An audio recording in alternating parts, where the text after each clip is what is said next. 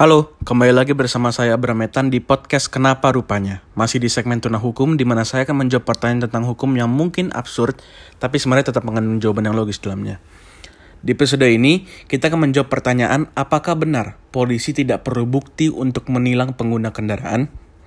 Kali ini, jawaban dulu baru penjelasan. Jawabannya adalah ya, polisi tidak perlu bukti. Tapi jangan di stop dulu podcastnya.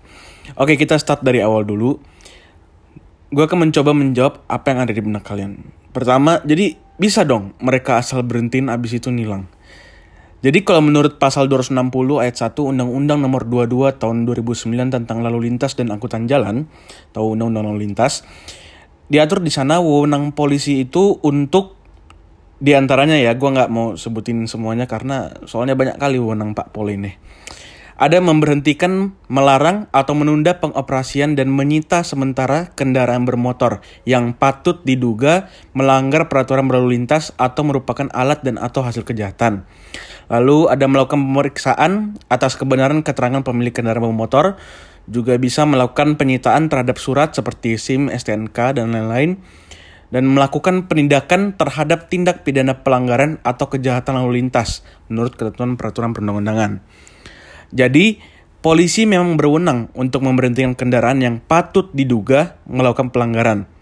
Penting untuk digarisbawahi itu. Jadi, kalian berhak buat nanya, kenapa saya diberhentiin Pak Polisi? Bukan mereka yang nanya, Anda merasa melakukan kesalahan? Lah, kan Bapak yang berhentiin saya ya. nah, lalu setelah itu, kalau kalian nggak ada salah kan lanjut. Uh, lanjut jalan. Kalau kalian melakukan pelanggaran, seperti tadi disebutkan, mereka berwenang untuk melakukan penindakan. Penindakan ini berupa denda biasanya. Apakah bayar dendanya ke polisi? Oh, tentu tidak. Tapi ya biasanya ya begitu. Yang sebenarnya uh, uh, yang sebenar sebenarnya adalah kalian diberikan surat tilang atau kalian ditilang biasanya sebutannya. Bayarnya ke pengadilan dan mengikuti sidang kalau tilang slip merah atau bayar ke bank yang ditunjuk pemerintah atau biasanya bank BRI kalau ditilang uh, kalau kalian mintanya slip biru. Tapi memang kalau slip biru itu bayarnya denda maksimal dari pasalnya. Kalau slip merah tergantung keputusan hakim.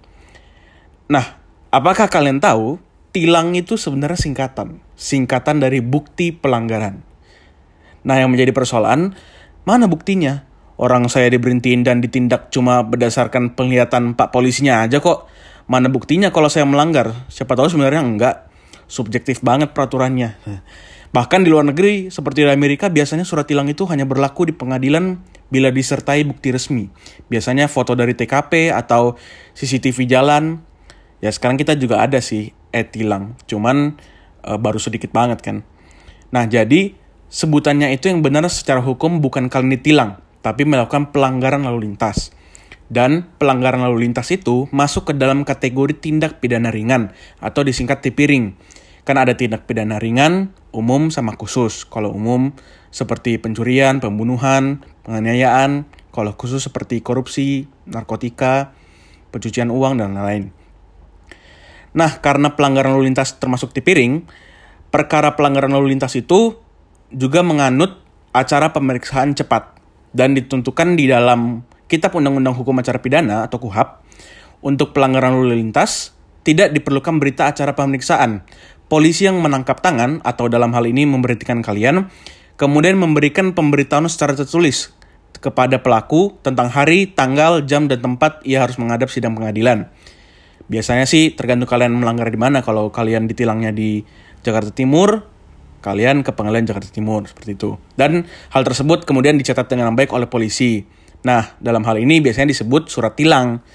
Selanjutnya, catatan bersama berkas tersebut dikirimkan ke pengadilan selambat-lambatnya pada kesempatan hari sidang pertama berikutnya. Itu diatur di pasal 202 jungto pasal 207 KUHAP. Bahkan selain itu, acara pemeriksaan cepat ini juga dapat dilaksanakan tanpa kehadiran kalian. Kalau kalian telat atau nggak hadir sidang, nanti diputus secara sepihak oleh hakim.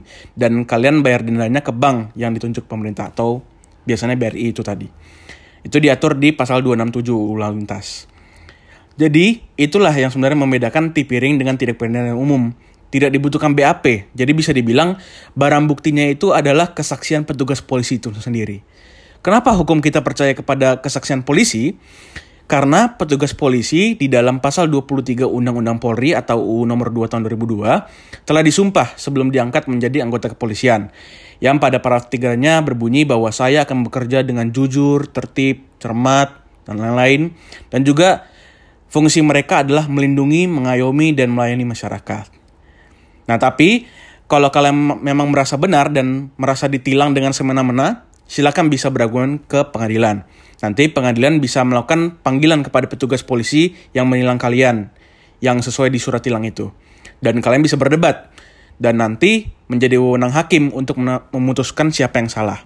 Bahkan H plus 7 putusan masih bisa melakukan perlawanan. Tapi ya kadang mikirnya ongkos ke pengadilan aja udah melebihi dendanya.